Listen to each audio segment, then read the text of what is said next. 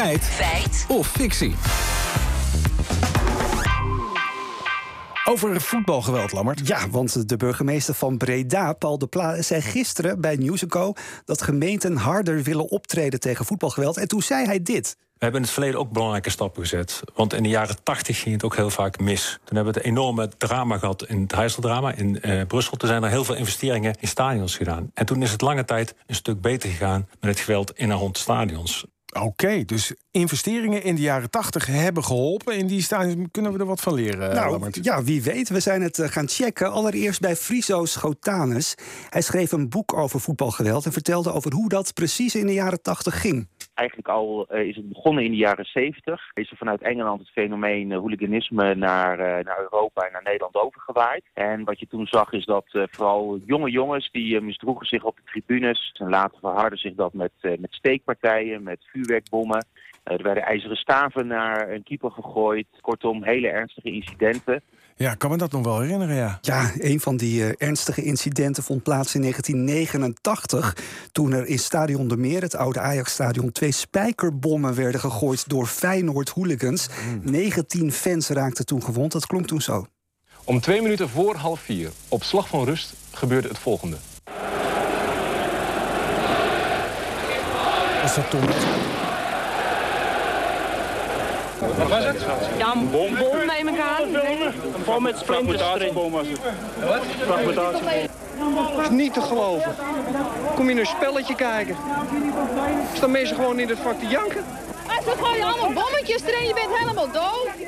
Ja, na dit soort incidenten zijn er inderdaad investeringen gedaan in de stadions. Zo bevestigt hoogleraar Algemene Rechtswetenschap Jan Brouwer. In die jaren hebben we wel veel in stadions geïnvesteerd. Als ik me niet vergis zijn toen bijvoorbeeld de staanplaatsen afgeschaft. En dat was nog wel een bron van kwaad. Maar die rust die toen niet meer terugkeerde... is niet alleen aan die investering te danken. We hebben in begin jaren negentig nieuwe wetgeving ingevoerd... op basis waarvan het uh, hooliganisme drastisch is teruggedrongen. we hebben een beetje het Engelse model uh, hier gekopieerd. Dat is de reden geweest. Maar niet de investering in staat. Misschien dat het ook bijgedragen heeft, hoor. Dat zou best kunnen.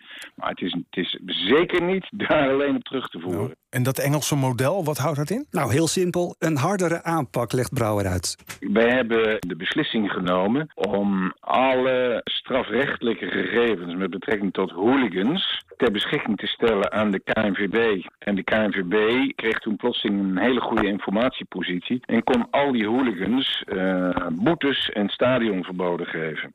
Ja, oké, goed. Uh, boetes en stadions verboden, dat helpt allemaal natuurlijk.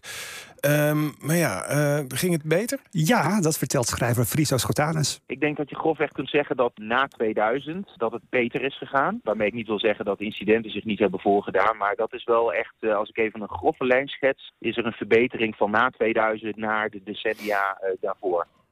Oké.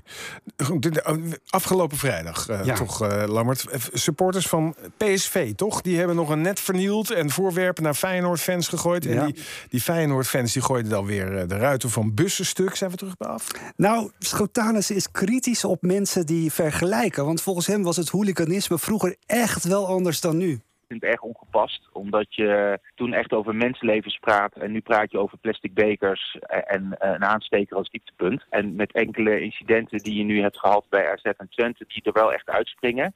Maar de situatie overal uh, nu vergelijken met toen is, ja, dat slaat nergens op. Oké, nou, toch, ja, PSV denkt er anders over. Hè? Die willen de fanclub uh, collectief gaan straffen vrijdag. Is dat de manier om uh, dan weer rust in het stadion te krijgen? Nou, nee, volgens Jan Brouwer niet. We moeten het zoeken in een betere relatie met supporters. dus daar moeten we veel meer investeren.